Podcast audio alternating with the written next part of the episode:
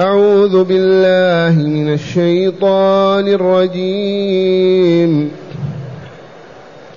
واذكر في الكتاب إسماعيل إنه كان صادق الوعد وكان رسولا نبيا.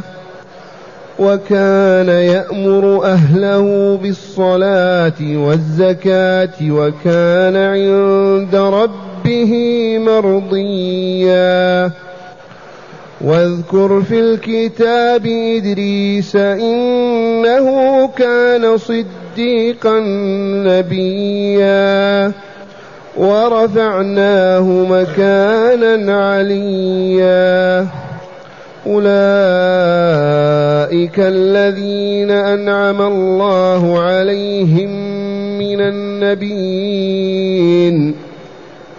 من النبيين من ذرية آدم وممن حملنا مع نوح.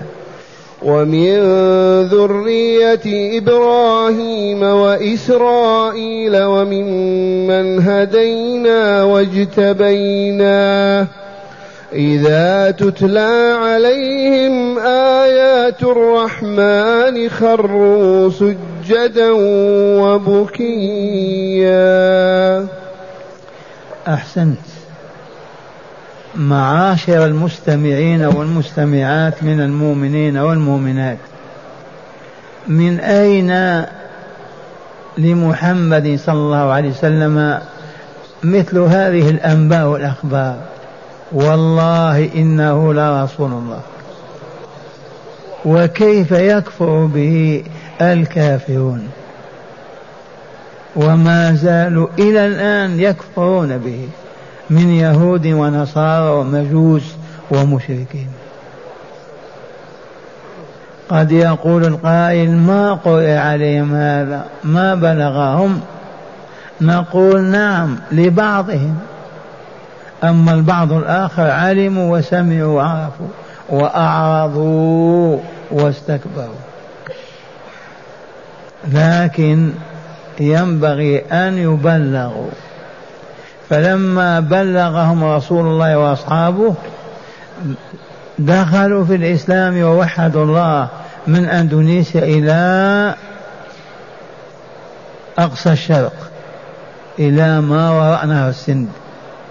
والآن ما في من يبلغ إلا القليل. فلهذا لا يدخل في الإسلام إلا القليل. الدخول موجود. ولكنه نسبة قليلة. سببها ما حملت الأمة الإسلامية رسالتها وقدمت لهم كما فعل سلفنا الصالح في القرون الذهبية الثلاثة. قوله تعالى واذكر يا رسولنا محمد صلى الله عليه وسلم واذكر في كتابك القرآن العظيم الذي نزل عليك وهو بين يديك. وهو شاهد أنه لا إله إلا الله وأنك رسول الله. اذكر في الكتاب إسماعيل. تقدم ذكر زكريا ويحيى وعيسى ومريم وإبراهيم وموسى وعيسى والآن إسماعيل. من إسماعيل؟ هذا ولد إبراهيم الخليل. هذا ابن هاجر القبطية المصرية. هذا الذي قال له أبوه يا بني إني أرى في المنام أني أذبحك فانظر ماذا ترى. قال يا ابت افعل ما تؤمر ستجدني إن شاء الله من الصابرين. ووفى حتى وضعه على الأرض. لو ما أنه وفى كان بعد يومين ثلاثة يقول مع الأسف ما نستطيع. ما نقدر على هذا. وكان إذا وفيا. إسماعيل نشأ في مكة. ولد بالقدس. وحملت أمه إلى مكة. ونشأ بها وتربى فيها وأرسل ونبئ فيها. بعدما بنيت الكعبة وعاش في قبيلة جرهم يأمرهم بالصلاة والزكاة. إسماعيل.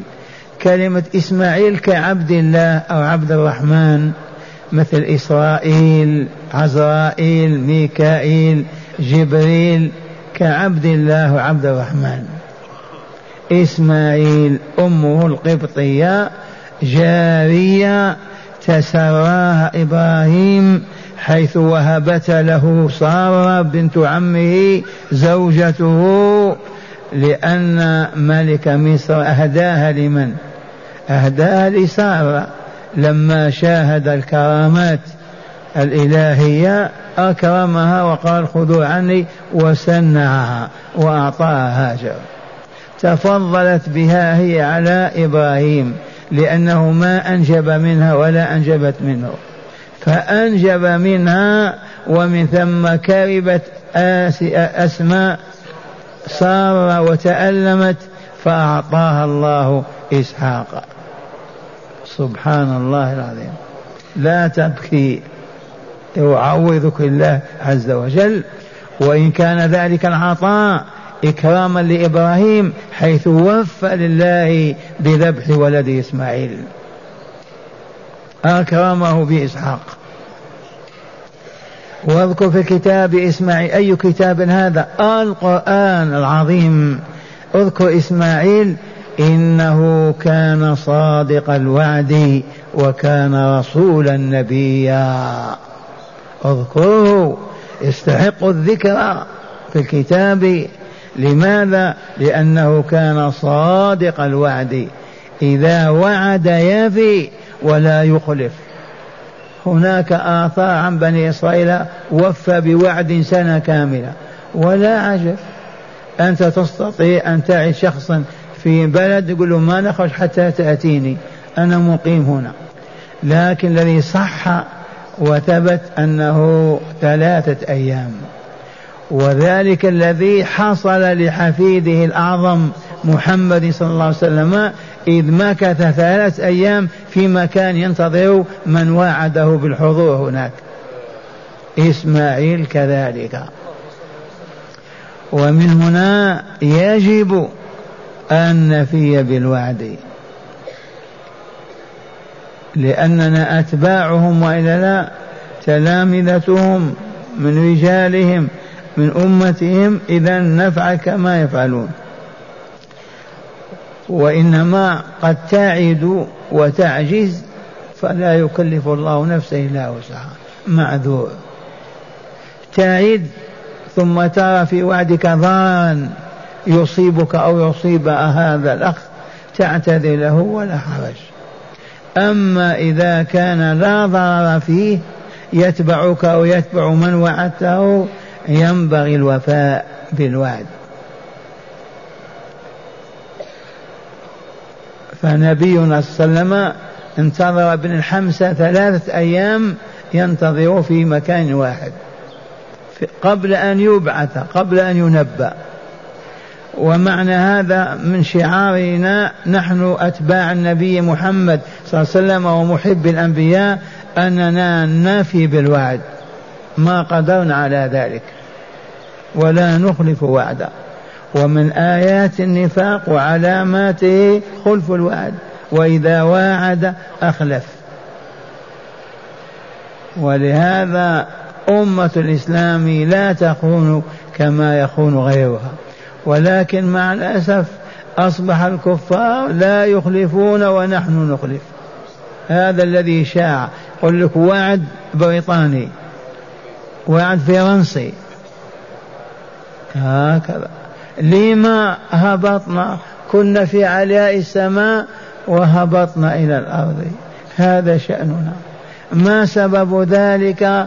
النور الذي كنا نعيش عليه أبعدوه عنا وأبعدونا عنه فكان الظلام. فالذي يمشي في الظلام كيف؟ يتخبط. ولا عودة إلا إذا عدنا في صدق إلى كتاب الله وهدي رسول الله صلى الله عليه وسلم. ولا تقولوا تريد أن نقف عن الدنيا ونعتزل. لا اشتغلوا من صلاة الصبح إلى قبل غروب الشمس. ما يكفي في المزرعة والمصنع والمكتب.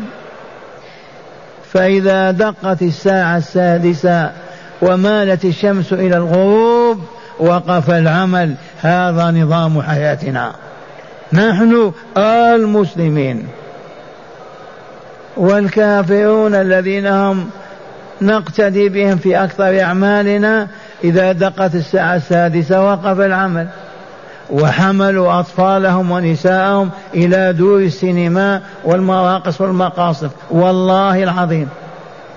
ونحن نعجز أن نحمل أطفالنا ونساءنا إلى بيوت ربنا ساعة ونصف في الليل. نتعلم الكتاب والحكمة. لا طريق لنجاة هذه الأمة إلا بهذه العودة الحميدة. سنة واحدة أهل القرية أو الحي يصبحون كأنهم أصحاب رسول الله. في الصدق والوفاء والطهر والصفاء والعز والكرامة ومن صفات الكمال. وغير هذا هيهات هيهات أن نظفر بما نريد. واذكر في الكتاب إسماعيل إنه كان صادق الوعد وكان رسولا نبيا. امتدحه الله وأثنى عليه بصدق وعده. كيف لا نصدق نحن وعودنا؟ هذا ثناء على الله وإلا لا؟ لماذا تذكره في كتابك؟ لأنه كان صادق الوعد وكان رسولا نبيا. وبالأمس علمتم أن كل رسول نبي وليس كل نبي رسولا. قاعدة عامة. هذا فاز بالرسالة والنبوة. ثانيا مما استوجب الثناء عليه كان يأمر أهله. وهذا يشمل أسرته ومن حولها من قبيلة جرهم كذا قال أهل التفسير لأنه نبي ورسول بينهم. يأمرهم ما بماذا؟ بإقام الصلاة. على النحو الذي كانوا يصلونه. بإقام الصلاة. وإيتاء الزكاة. بإقام الصلاة والزكاة. أي وإيتاء الزكاة. والزكاة وإن كان اللفظ يشمل كل الأعمال المزكية للنفس المطهرة للروح البشرية من التسبيح والتحميد إلى الصلاة إلى الصدقات. لكن أولا الزكاة المفروضة في المال. من أعطاه الله مالا يجب أن يزكيه بالعطاء والصدقة منه ليطهر ولينمو ويكثر. سميت الزكاة زكاة تزكي النفس وتزكي المال وتنميه ويصبح أكثر مما كان ولا تنقصه أبدا. في الظاهر نقص وفي الباطن زاد ونمى وكان عند ربه مرضيا مرضيا عنه رضي الله عنه. ما سبب هذا الرضا؟ طهارة روحه وزكاة نفسه. بهذه العبادات التي يقوم بها فأصبح طيبا طاهرا فرضي الله عنه. عمن يرضى الله تعالى عن الأخباث الأنجاس الفسق الفجر لا والله لا يرضى إلا عن الطيبين الطاهرين. وفي الحديث إن الله طيب لا يقبل إلا طيبا. من أراد أن يرضي, يرضى الله عنه فليطيب نفسه. بما تطيب النفس بالماء والصابون. بالطايد. لا لا لا لا مستحيل. ما هي كالبدن هذه والثوب؟ هذه روح كالكهرباء نور. تزكو وتطيب وتطهر بالإيمان وصالح الأعمال وإبعادها عن الشرك والذنوب والآثام. من أراد أن يزكي نفسه فليؤمن إيمانا حقيقيا وليعبد الله بهذه العبادات وليبتعد عما يلوث النفس ويخبثها من الشرك والمعاصي. ولا يزال كذلك حتى تزكو نفسه وتطيب وتطهر. وقد أفلح من زكاها. وكان يأمر أهله بالصلاة والزكاة وكان عند ربه مرضيا. هذه مقتضيات حمد الله له وثناء عليه. ثم قال تعالى لرسوله ومصطفاه صلى الله عليه وسلم واذكر في الكتاب إدريس أيضا. إدريس. كأني سمعت في إذاعة ما ندري هذا الأسبوع من يقول إن إدريس ما كان من قبل نوح. الصواب الصحيح أن إدريس جد أبي نوح. إدريس جد والد نوح. نوح بن فلان بن فلان بن إدريس. وهذا الذي تشير الآية إشارة عجيبة. اسمع كيف أشارت إليه. أولئك الذين أنعم الله عليهم من النبيين من ذرية آدم وممن حملنا مع نوح. من ذرية آدم؟ لو ما كان قبل نوح لما يقول ومن نوح؟ دي إشارة عجيبة يعني. تدل دلالة قطعية أن إدريس كان نبيا قبل نوح عليه السلام. اسمع. أولئك الذين أنعم الله عليهم بماذا؟ بالنبوة والرسالة والكمال والطهر والصفاء من ذرية آدم أولا يدخل إدريس وممن حملنا مع نوح يدخل من جاء بعد نوح ومن ذرية إبراهيم يدخل أولاد إسرائيل وهكذا. فالآية صريحة في أن إدريس كان قبل نوح عليه السلام وقد أوتي كذا ثلاثين صحيفة وأنا يدرسها ولهذا قيل فيه إدريس. واذكر في الكتاب إدريس إنه كان صديقا نبيا. صديقا من منكم صديق؟ قولوا كلنا إن شاء الله. ما انفتح الباب دخلنا أمسي. أصدق وتحرى الصدق يوما بعد يوم بعد يوم بعد يوم شهر شهرين عام عامين تكتب عند الله صديقا. تصبح ما تستطيع أن تكذب ما تقوى. تصبح صديقا وإلا لا؟ الصديق كثير الصدق الذي لا يعرف الكذب أبدا. وفي الحديث الصحيح إياكم والكذب. فإن الكذب يهدي إلى الفجور. وعليكم بالصدق فإن الصدق يهدي إلى البر ولا يزال المرء يصدق ويتحرى الصدق حتى يكتب عند الله صديقا. إن شاء الله يا أهل هذه الحلقة ما بيننا إلا صديق. ما ترغبون؟ صديق. صديق. كثير الصدق. جربوا بعضكم بعضا. ما تجدون الكذب إن شاء الله. كان صديقا وكان نبيا. الصديقية فاز بها بعمله وجهاده والنبوة رحمة الله وفضله عليه. لكن لصدقه ونبوته صديق كثير الصدق أثنى الله تعالى عليه في كتابه. وأمر رسوله أن يذكره في القرآن. ليراقبنا في الصدق نحن لنكون صديقين. يضرب بنا المثل. قال تعالى ورفعناه مكانا عليا. الصحيح من الأقوال والروايات أن الله رفعه كما رفع عيسى ابن مريم. كما رفع محمدا صلى الله عليه وسلم الملكوت الأعلى. لما الله أعلم. إذ شاهده رسول الله صلى الله عليه وسلم ليلة المعراج في السنة في السماء الرابعة كما هو. وأي داعي لأن نكذب أو ننكر؟ أما قال تعالى ورفعناه مكان عليا فإن يوجد المكان العلي في جبال التبة يعني في السماء. أخبر رسول الله في السماء الرابعة. ثم هذا ابن مريم بعده بقرون. رفعه الله والا لا رفعه الله. محمد صلى الله عليه وسلم رفعه لو شاء لتركه في الملكوت ما يبقى, يبقى. ورفعناه مكانا عليا ودل هذا على كماله وعلى طهره وصفائه وأنه أهل لأن يقوم في الملكوت الأعلى وينزل هناك. ورفعناه مكانا عليا. لو قال مكانة منزلة المكان هنا المنزل الذي هو فوق السماوات الرابعة. ثم قال تعالى تعقيبا على هذا وانتهى الذكر وانتهى ذكر الأنبياء والرسل في الآيات.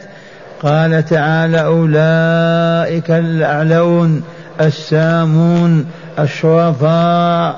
هذه الكاف تشير إلى العلو والسمو. أولئك الذين أنعم الله عليهم. بنعمة ماذا؟ الخبز واللحم. الطعام والشراب الخيول البغال الدور والمساكن بما هذا ما يذكره تعالى هذا. أنعم عليه بنعمة الإيمان وصالح الأعمال والاصطفاء والرضا ورفعهم درجات. هذا الذي أنعم الله به عليهم. فكانوا أطهارا أصفياء ربانيين صادقين. على ما جاء به الإسلام لو عملنا به. أولئك الذين أنعم الله عليهم من النبيين. جمع نبي. تقدم أولئك ولا لا؟ أولئك أنعم عليهم من إدريس إلى زكريا فيما تقدم. من ذرية آدم. من هو الذي كلهم من ذرية آدم وإلا لا؟ إذا ما أراد هذا؟ أراد إدريس من قبل نوح من ذرية آدم. فلهذا ما نقبل من يقول إدريس ليس من قبل نوح ولكن من بعده. قد يوجد اسم إدريس هذا الاسم عام الآن عند إدريس في الحلقة. وإلا لا؟ ما عند إدريس في الحلقة؟ أنت إدريس. فأما إدريس الذي أثنى الله عليه وذكر له رضاه هذا رفعه الله إليه. قال ومن ذرية من ذرية آدم وممن حملنا مع نوح. نوح بعد إدريس ولا لا؟ هو جد أبيه. ومن ذرية إبراهيم أليس من بعد نوح ولا لا؟ وإسرائيل يعقوب من بعد إبراهيم ولا لا؟ وممن هديناك كداود وسليمان وعيسى بن مريم وغيرهم. وممن هدينا واجتبينا. هديناهم للطريق المستقيم. ليفوزوا برضانا وينزلوا بجوارنا بعد موتهم ودخولهم الجنة. قال ممن هدينا هداهم إلى أي شيء؟ إلى أن عرفوا فآمنوا به فعظموه وأحبوه وخافوه وذلوا له وعبدوه. واجتباهم للنبوة والرسالة ولمهام لا نعلمها اختارهم اختيارا لأنهم أهل لذلك منها إبلاغ رسالته ومنها عبادته. ممن هديناه واجتبينا اسم يقول تعالى مخبرا عنهم إذا تتلى عليهم آيات الرحمن أيام حياتهم كل هؤلاء المذكورون. إذا أتلى عليهم آيات الرحمن خروا سجدا وبكيا. ليس هذا خاص بالقرآن فقط. آيات الله إدريس كان عند ثلاثون صفحة صحيفة. إذا آيات الله في الإنجيل في التوراة في صحف إبراهيم في صحف هي آيات الله ولا؟ إذا قرأت عليهم آيات الله يذلون ويخضعون ويخرون ساجدين. يبكون سجدا وبكيا.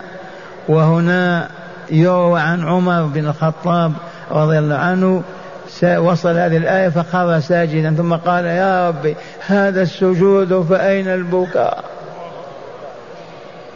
هذا السجود فأين البكاء؟ لأنه مشغول بمهام الدنيا ما استطاع يبكي. لكن نحن المنقطعون عن الدنيا لماذا ما نبكي؟ قال هذا السجود فأين البكاء؟ والبكي جمع باكي. خروا سجدا جمع ساجد وبكي جمع باكي. اللهم اجعلنا منهم وحشرنا في زمرتهم. وإليكم شرح الآيات من الكتاب. يقول تعالى لنبيه محمد صلى الله عليه وسلم كما ذكرت من ذكرت من مريم وابنها وإبراهيم وموسى اذكر كذلك إسماعيل. ما ذكر السابقين؟ اذكر كذلك إسماعيل فإنه كان صادق الوعد لم يخلف وعدا قط. وكان ينتظر الموعود الليالي حتى يجيء وهو قائم في مكان ينتظره. وكان رسولا نبيا نبأه تعالى بمكة المكرمة إذ عاش بها وأرسله إلى قبيلة جرهم العربية ومنها تزوج وأنجب وكان من ذريته محمد صلى الله عليه وسلم. وقوله تعالى وكان يأمر أهله بالصلاة والزكاة المراد من الأهل أسرته وقومه من قبيلة جرهم والمراد من الصلاة إقامتها ومن الزكاة أداؤها.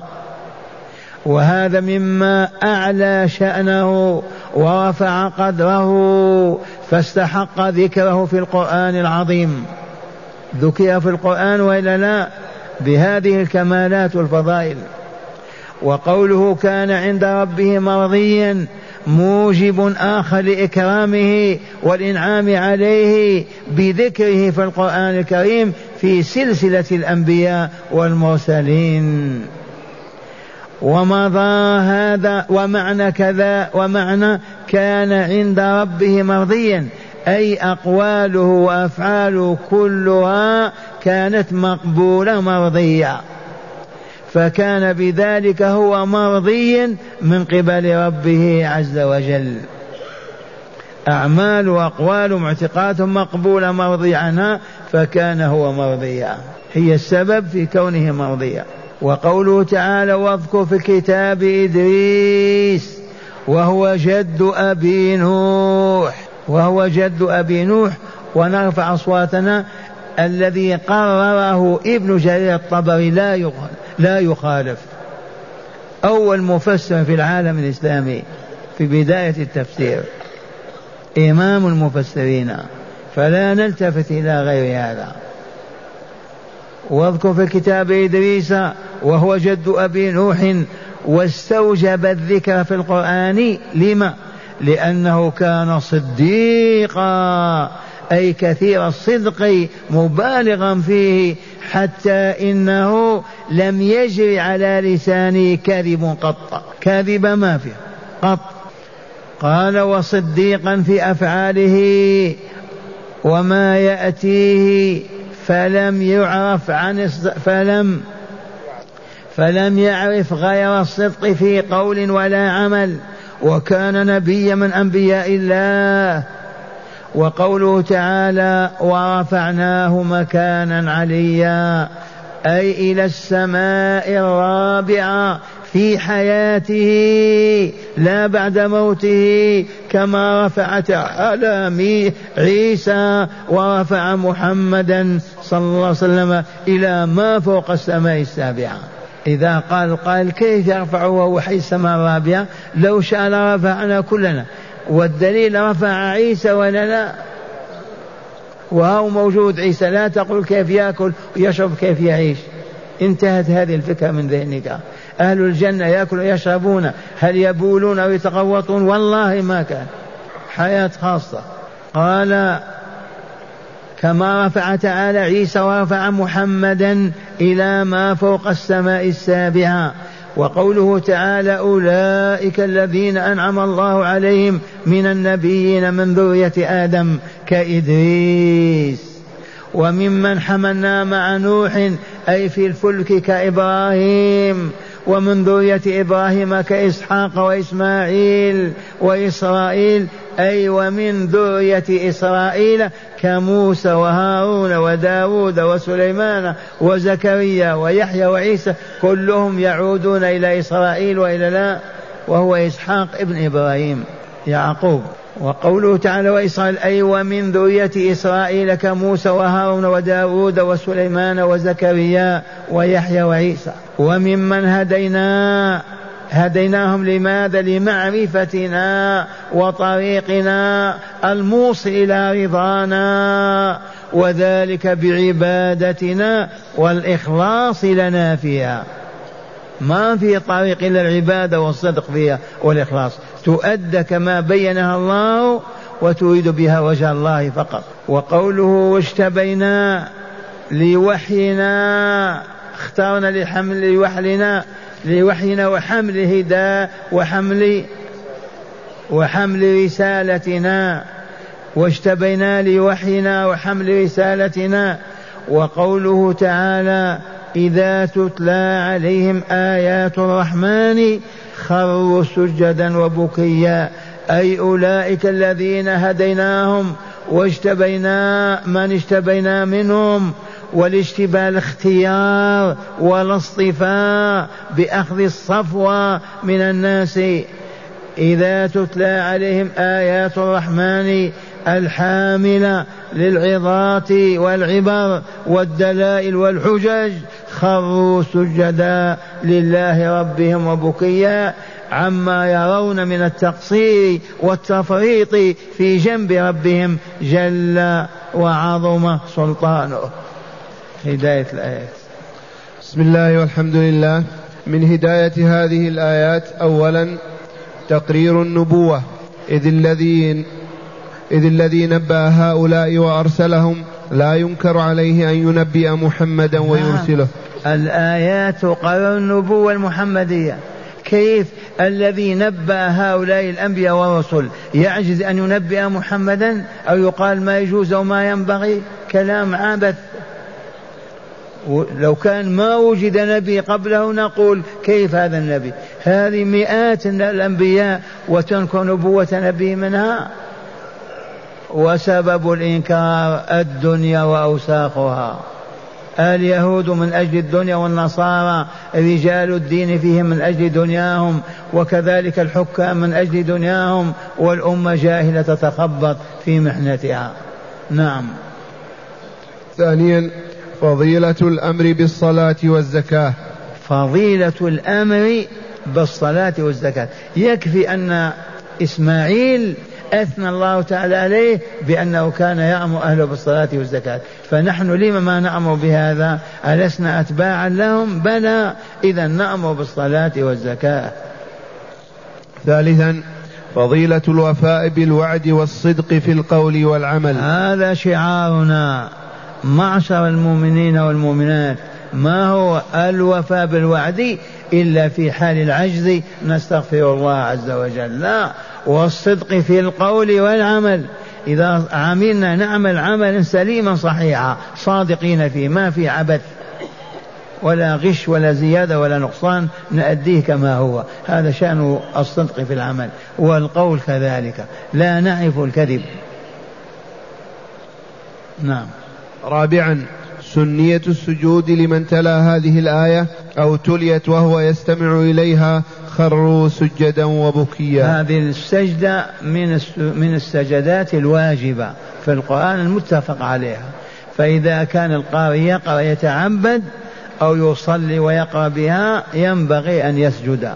والمستمع إذا سجد القارئ سجد معه وإذا لم يسجد ما يسجد. والسامع غير المستمع السامع ما هو مطالب بالسجود لكن الذي جالس يستمع في التلاوة إذا سجد القارئ ينبغي أن يسجد معه. قاعدة عامة ما ننساها. نعم. خامسا. ماذا كان يقول عمر في سجوده؟ هذا السجود فأين البكاء؟ يتأسف ويتحسر. نعم. خامسا نعم. وأخيرا فضيلة البكاء حال السجود فقد كان عمر إذا تلا هذه الآية سجد ثم يقول هذا السجود فأين البكي؟ أين البكي؟ يعني البكاء. يعني البكاء.